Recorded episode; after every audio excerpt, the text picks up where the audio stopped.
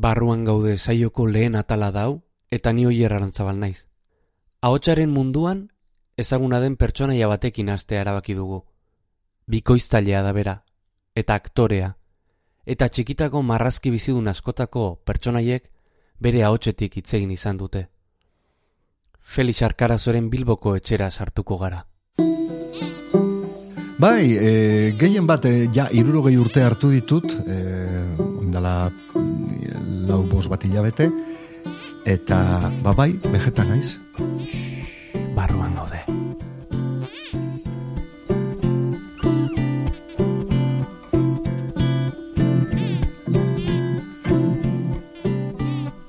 Bere etxeko atea zabaldu eta sukaldera sartu gara. Bertan orkideak ditu, Felixek. Aspaldiko sasoietan, gauzak eh, komunikatzeko eta konpartitzeko eta barba, eh, en fin, eh, askoz be zailagoa zan dana, dana ilunagoa, eta jenteak eh, bilatzen zituen alako zirrikituek eta zeharkako bidiek. Gauzak adierazteko batez be, ba, en fin, eh, bikoten artietan eta bar, eta bar. Eta bazegoen alako, eh, batetik abanikoen lenguaia edo hizkuntza, segun eta abanikoa zelan jarri, batera edo bestera, ba, e, esan aia desberdina zen, eta loreekin behantza, e, antzeko kontua gertatzen zen. Eta e, gaur egun orkideak e, oparitzen dira, ba, bueno, ba, bestelako arazo barik, baina aspaldiko sasoi hoietan antza, orkideak oparitzea zan, e, sexu eskaintza edo eskaera zuzena egitea. Zergatik? Orkidea orkizetik dator. Hortik dator orkitiz, eta badakigu orkitiz zer den, ba, barrabilen inflamazioa ero. Ordan orkideak, esaten dute, edo izena hortik omendator, antza, ba, e, barrabilen forma edo itxura edo daukatela. Eta horregatik, ba, aspaldi, e, e, esan nahi horri hori zeukan, gaur egun galdua dagoena, baina niri grazia egiten dit, ba nire emazteari bere aizpak orkideak oparitzea, bueno, en fin, kuriosoa. eta etxean badauzkazu orkide. Bai, bai, bai, bai, bai, bai. Eta etxean egon badago barrabilik ere. Bai, bai, baita ere, baita ere. Batzutan gehiegi, gurean gehiegi egon ziren. Bai. E, e, horretik, e, bueno, bakizu, denan, anaiak, bi anai izateak hori dauka, ez? Gero, ba, e, adidez bain, alaba euki dugu, eta ta, Bai. ospatzen dugu, ez? Ukitzea, Bai. feminidade pixkatek. Hori da, hori da, fenim, feminidadearen e, hurbiltasuna eta horren goxoa, eta horrek dakarren e, beren beregiko, bizkaieraz esaten da moduen, beren beregiko jakindurize. Berez dator zelan baiteko aparteko jakindurize. Informazioen bit- bitartez ez datorrena. Baizik eta feminidadie onduen eukinje. Datorren alako jakinduria moduko bat e, hain zuzen be, e, gozotasunaren apresioa, e, suabidadearen e, ez dakit apresioa edo estimua edo, eta hori zoritxarrez e, inguruen egon ezpada umetan eta nekez ezeutzen da eta ikasten da eta eskuratzen da. Eta gutxi hau ere barneratu. Baina bueno, bai, lehengo, saso, lehengo sasoietan hori e, nahiko e, ez dakit e, mm, zelan esan e, antzue iseten zen antzua da esteril edo Bai. olako antzutasun moduko baten bizitzen ginen aspaldiko sasoietan umetan eta hori dalata eta hori egonezik gure barreneko gozotasun edo jakinduria hori ba, garatu barik e, kudeatu barik geratu zen. E, lehenengo elkarrezketa, barruan gaude, saioko lehenengo elkarrezketa da. E, Felix Arkarazo, zurekin egingo duguna. E, hain zuzen, niretzat ere lehenengo aldia delako audio gintzan. Podcastaren mundura salto egin dugu zuzeun, eta topatu naiz ni neu, ez? E, momentu batean, audio gintzara bideratuta. Ze aholku emango zen izkidake mikrofonoaren aurrean aritzeko. Bueno, hor eh, arlo bi beriztuko nituzke batetik eh, aholku teknikuek horrek ikesitzen die, mm, erraz, erraz.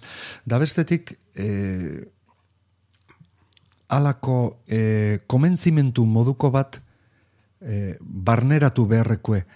E, erderaz esaten da, e, aurpegia harimaren ezaugarri dala, la cara es el espejo del alma.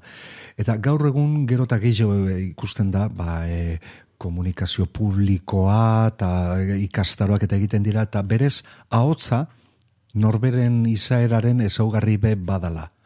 Orduan, e, izaera hori, segun eta zelakoa izan, eta batez ere, segun eta zer komunikatu nahi dan, ahotza bat, abotzak batera edo bestera egingo du. Hori argi izatea.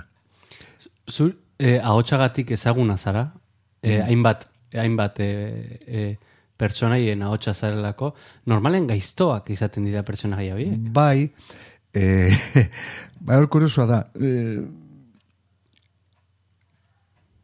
Ezaugarri hori pizkat sortu zen aspaldi baten ikusi zutelako e, bai e, bikoizketa etxeetan eta nik karakterizatzeko gaitasunen eukela e, zelan esan, ba, ez dakit nik abotz normalien balako goxotasun moduko bape adiraz nezake, baina bestetik ere egin ezake alako karakterizazio mota desberdin asko. Eta orduan, ba, zientifiko ero edo soro gaizkile eta alako e, bitxikeria bai. guztien aurrien, ba, zelan baiteko erantzune emoteko gaitasune baneukenez, ba, pizkat horretara e, bideratu ninuten, eta ba, ba, bueno, ba, horretan geratu naz, bai. Gertatu zaizu e, zeure ahotzagatik ezagutu e, izana? Bai, hainbat aldiken, eta horre esan bierra daukat, batetik e, nire ahotza ba, vegetaren ahotza da, dragoi bolan, eta aspaldi baten ja, ezin arrituago, e, geratu nintzela, e, dragoi bolak isen dauen jarraipenagaz,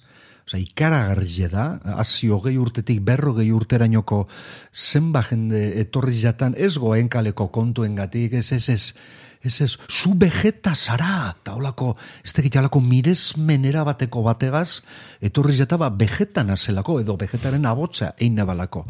Dalako baten GR11, GR maika, e, transpiren eike iki akorda bai. da orde zain guruen errefugio batera eldute jota, guztiz jota gabeko amarretan tokirik ez, da refugiora heldu tango taberna xume baten ba ez da kipan e, zer hartuko nebanik akuarius edo lako mate rekuperetako gabaz da isiltasunien ze mendizen ba genti e, goiz erretiretan da. Mhm da kamareroaz berbetan nahuela, baina oin nabilen moduen, alako baten goiko e, pisuetan, pasiluetan, alako hankaotz bizkorra entzuten da, da eta baten jatorta bat, eta e, zer ezatozta, eta tu eres vegeta! Osa, increíble, zenik ezin jot zinestu, ganera batzuk badeki alako, e, dabe, edo memoria visual, edo gaitasun hori ez, e, begiz e, edo zer jotzeko eta egoki jotzeko, beste batzuk belarriz, baina sekulen aban pentsauko horren bestera inoko isingo zanik.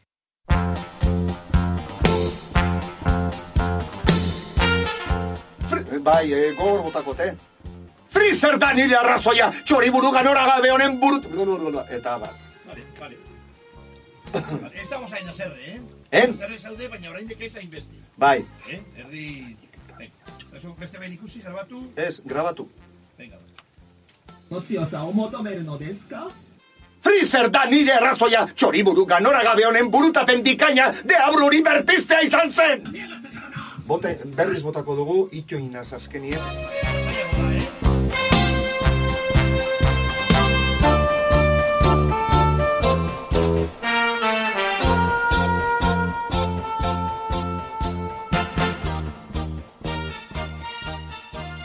Hori, e, neri gertatu zait.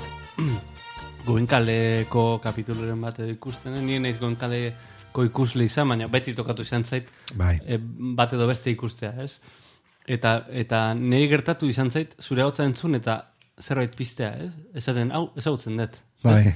ez dakit nondik baina ezagutzen dut, eta efectivamente vegeta gandik, zen ere belaunaldia da. Bai. Gu dragoibola, guretzako dragoibola izan zen, eta askotan aipatu izan dut, baina... Bai eta anedota bat dago ni asko gustatzen zaidana, eta da nola e, udalekutara joaten ginen, elkartzen ginen Euskal Herri osoko jendearekin zangotzatik, araba, bizkaia, eta danok jokatzen genuen dragoi bolara.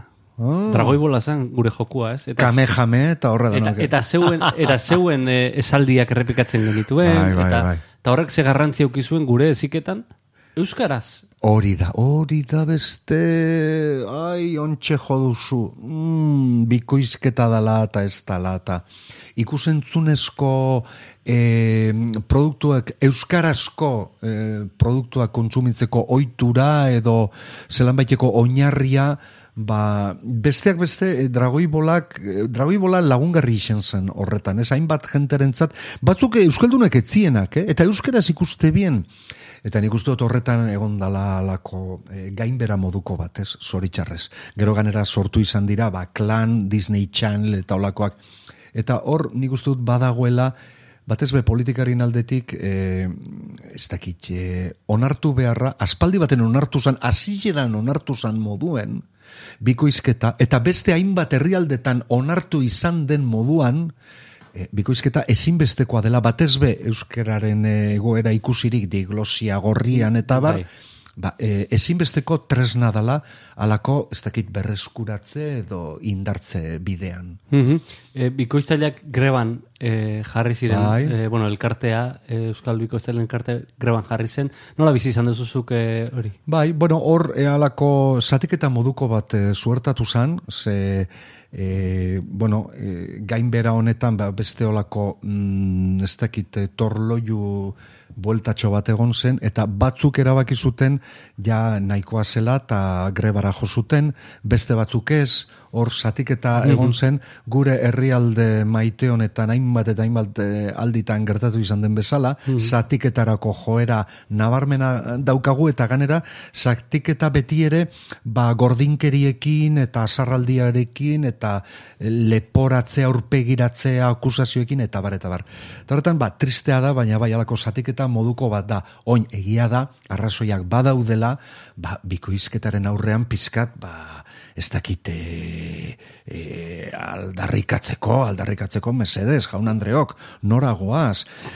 Egin kontu, Bai. Eskandinaviako herrialdeetan, hainbat arlotan eredu jarri izan digutenak, e, sozialaldetik, kulturaldetik eta bar, aspaldi hasi ziren bikoizketa bultzatzen. Ikusirik, berrogei urtetik beherako jenderi gehienak, ja inglese, ingles utxez egiten zutela. Ez zuten ez norvegiarrez, ez suediarrez, ez finlandiarrez egiten.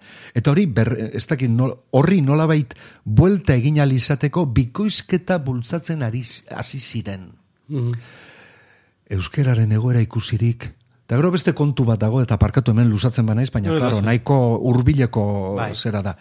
E, bikoizketa e, inglesaren ganako um, urbilketarako ostopo moduan ikusten da, ezta? Beti Bai. jartzen da Portugalen eredua, da portuesak e, inglesez o, ondo egiten dute bikoizketarik ez dutelako. Kontuz, kontuz horrekin.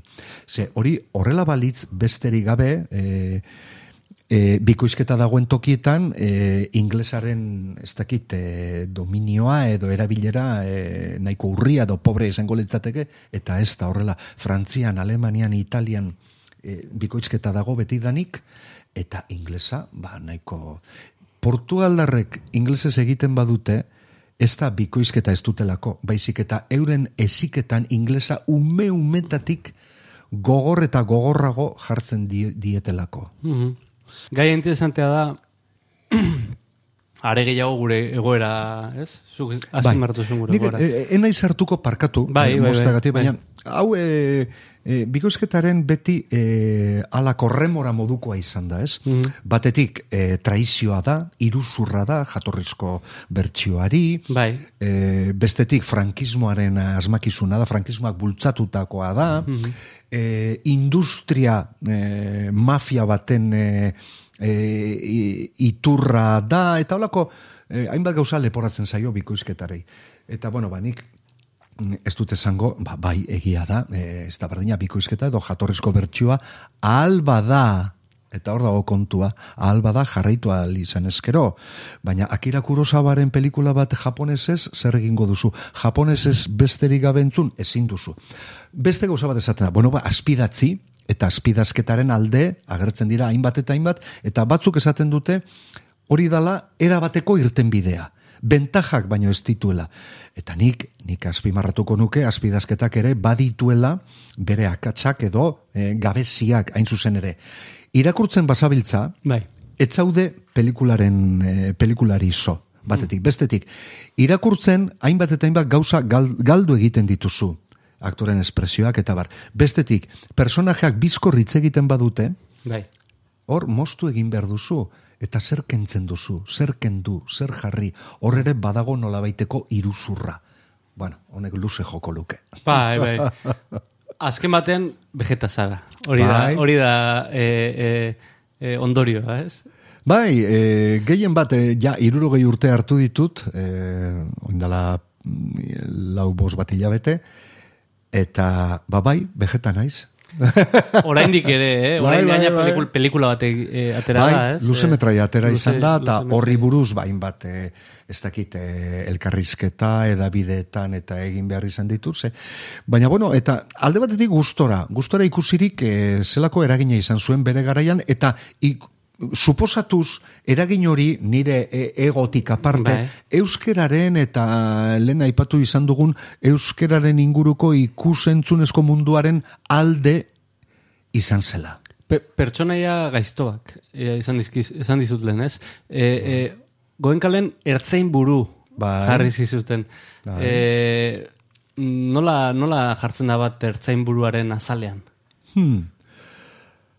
Bueno, ertzain buru baten azalean, e, supo, bueno, e, nik gogoan daukat mm, bere sasoian e, goenkale moduko serie batean, ba egia zan ez dago olako e, mm, ez dakit nola esan detalle eta matiz da olako e, gauza askotarako aukerari. Gauzak nahiko basikoak dira, Bai. nahiko e, komila artean eta hau e, e, ez dute peioratibo ikuspuntutik esaten, nahiko simpleak dira, ez da. Orduan, ba, suposatzen zan, Andoni Murua, ba, pertsona zintzoa, e, bere zalantzakin, bere amarekiko gora berakin, e, aldi baten hasieran batez be hori ere josuten hain zuzen ere bere sexualitatearen nondik norakoa batera edo, edo besterakoa izango otesenaren Bai. zalantzaz eta abar baina bueno, hortik aparte ba bueno eh, Da polizia izan zaren mo- momentu bakarra Bai. bizitzan, ez? Ez, Ez, ez, egin izan dut, bai. bai, ez, eh, o, lan, olan, ezagunak ez direna, baina, bai, nik ez dakiz zergatik, e, zuertatu izan zei, behin baino sarriagotan, poliziarena edo e, egin behar izatearena, bai, eta hori zer da, zure fa, gaizto fa, fazetagatik, ala, ala, ala alderantziz, Bai. alderantziz. Nik uste dut, karo, badakizu, nire aurpegiak, nire fenotipoak, Bai. e, zerbait esaten duela. Nire ahotsak e, gaiztoarena egin dezake. Baina adibidez, nik ez daukat bizkomikorik. Nik ezin dut e, komediarik edo monologo komikorik egin, zen nire aurpegiak ez du hori ematen. Bai. Eta ni lagun artean, hain zuzen ere, horren kontrakoarekin jokatuz, e, lortu dezaket komisitatea. Mhm. Hain zuzen ere, jokatu, claro, seriotasunetik, alako, bapateko e, salida bat eginez, Bai. hori, txoke horrekin lortu dezaket komisitatea. Baina ikuslearentzat berez nire aurpegiak ez du komisitaterako e, biderik ematen, batetik. Et, baina bai ematen du, e, ez dakit, e, hau eh, gaizki dago esateko, baina e, nola baiteko zintzutasunerako. Eta nik uste dut hortik aukeratu nindutela Andoni Muruaren e, pertsonaia egin ahal izateko. Mhm. A ber, nik ez dut esaten ertzainak zin- zintzoak izan behar dutenik eta abar Bai, eta bai, abar. bai. Enaiz horretan sartuko. Ez, ez, ez. Baina- Poliziaren eh, ezagarritako, ustezko ezagarritako bat da, Hori da. zintzotasuna, hori ulertu da, bai. Hori da. Bai, en, zer duzu zure buruak gehiago, e, bikoiztaletzat, ala aktoretzat, ala biak antzeko gauza bat dira. Eske, bikoizketa berez antzespen eh, modu bat da eta ahots egokia edo sinkroniziatatela, oza, e, a- e, bikoizketak beste arlo guztiak bezala badu teknikoki alako hainbat arlo, ez da? Eta arloietan, ba, trebe edo izan zaitezke, baina azkenean aktorea zara. Eta zure ahotsarekin nolabaiteko sinesgarritasun bat adierazi behar duzu. Mhm. Eta hori nabaritu egiten da. Zerekin? Eta sentimenduak. Claro, hori Azerrea, postasuna. hori da.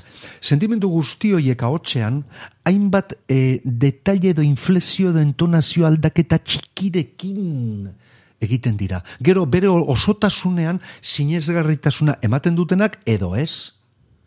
Adibidez, nik e, gauzak pizkat irakurketa doinu plano batekin esaten baditut, gauza, gauzari gordinena esan arren, ba ez dute zer transmitituko.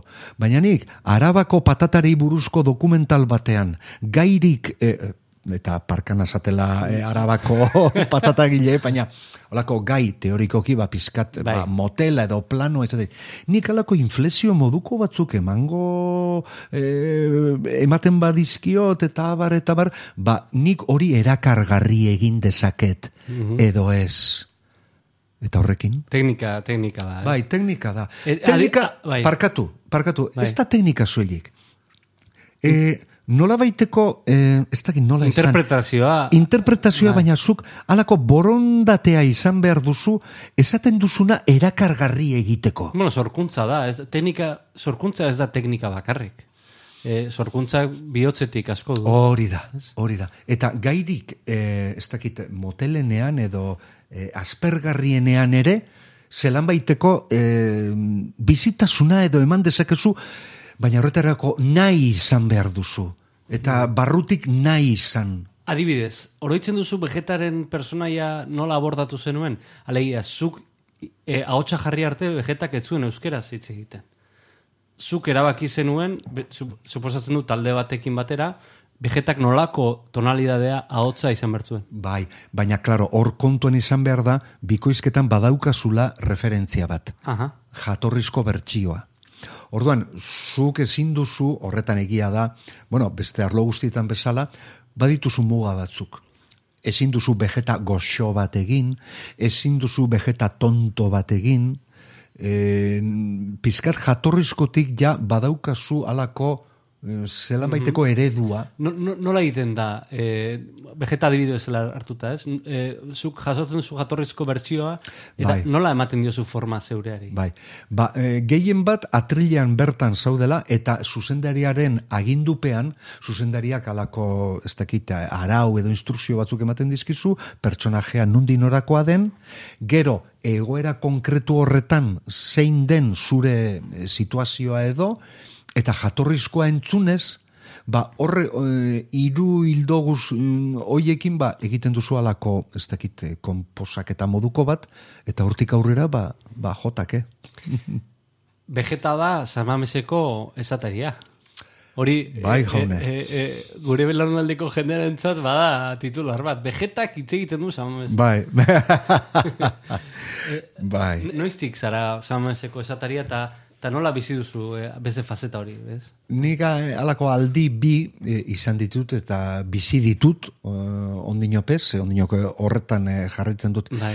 2008an San Mames Barrie estrena usanien, orduntxe hasi nintzen ni, gaur egun hortxe jarraitzen dut, eta 2000 eta, ja, eh, galdute dekoaz, Ernesto Txingurri Balberderen aurreko eh, ek, ekitaldian. Bai. Txingurrik beste, ez dakit, 2000 eta, ez zertzan, lauan, seian edo, Aurre- lauan edo. Aurrekoa izango zen... E, Lamikizekin eta ibili izan, gero istiluak izan zituen, bai. e, Balberderen aurrekoa etzan e, Argentinarra nola da...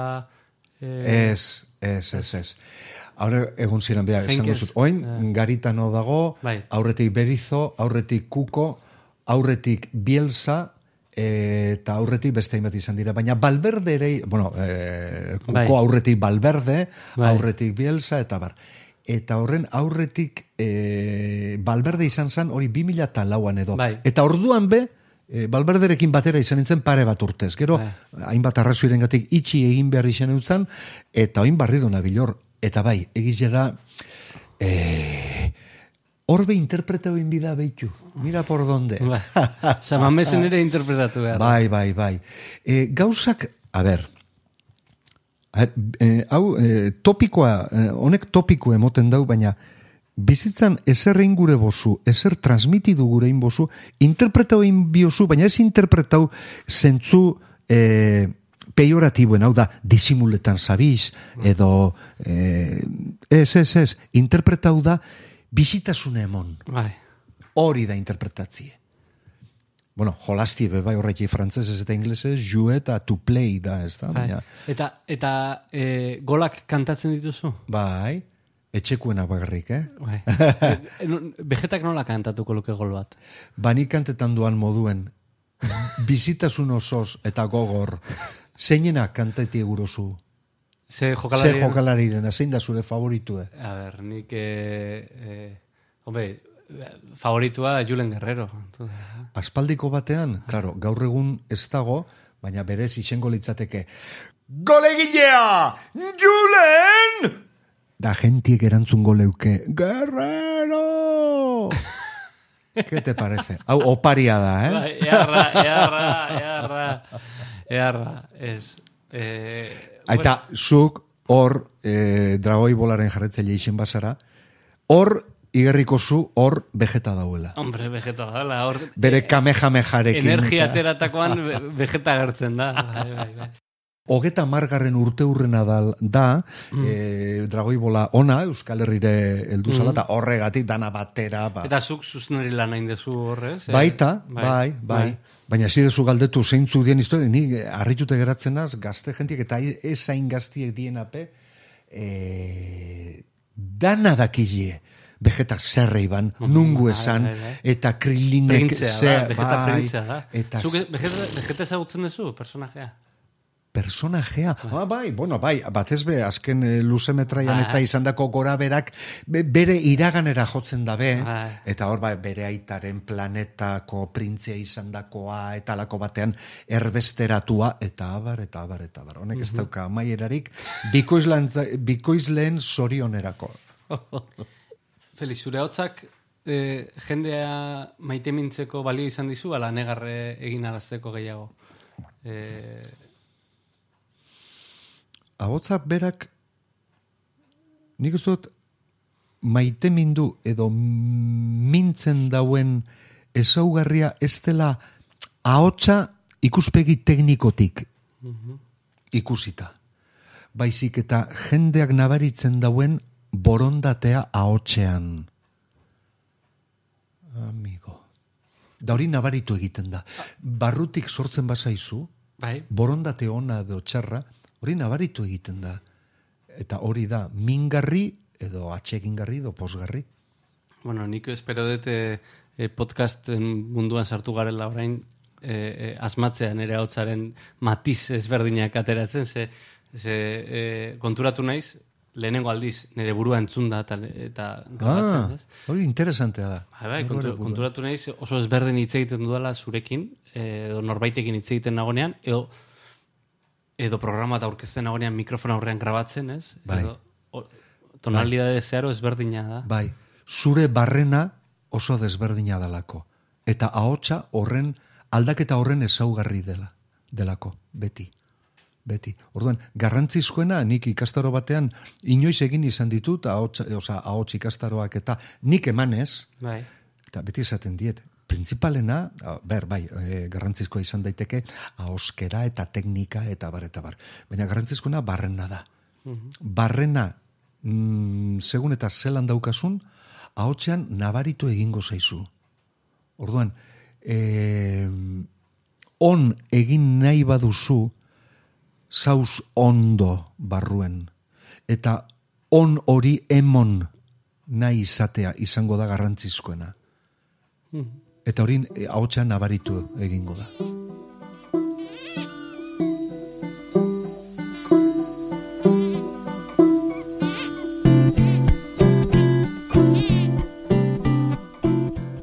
Hauxe izan da guztia entzule, barruan gaude saioa, urrengo astera arte.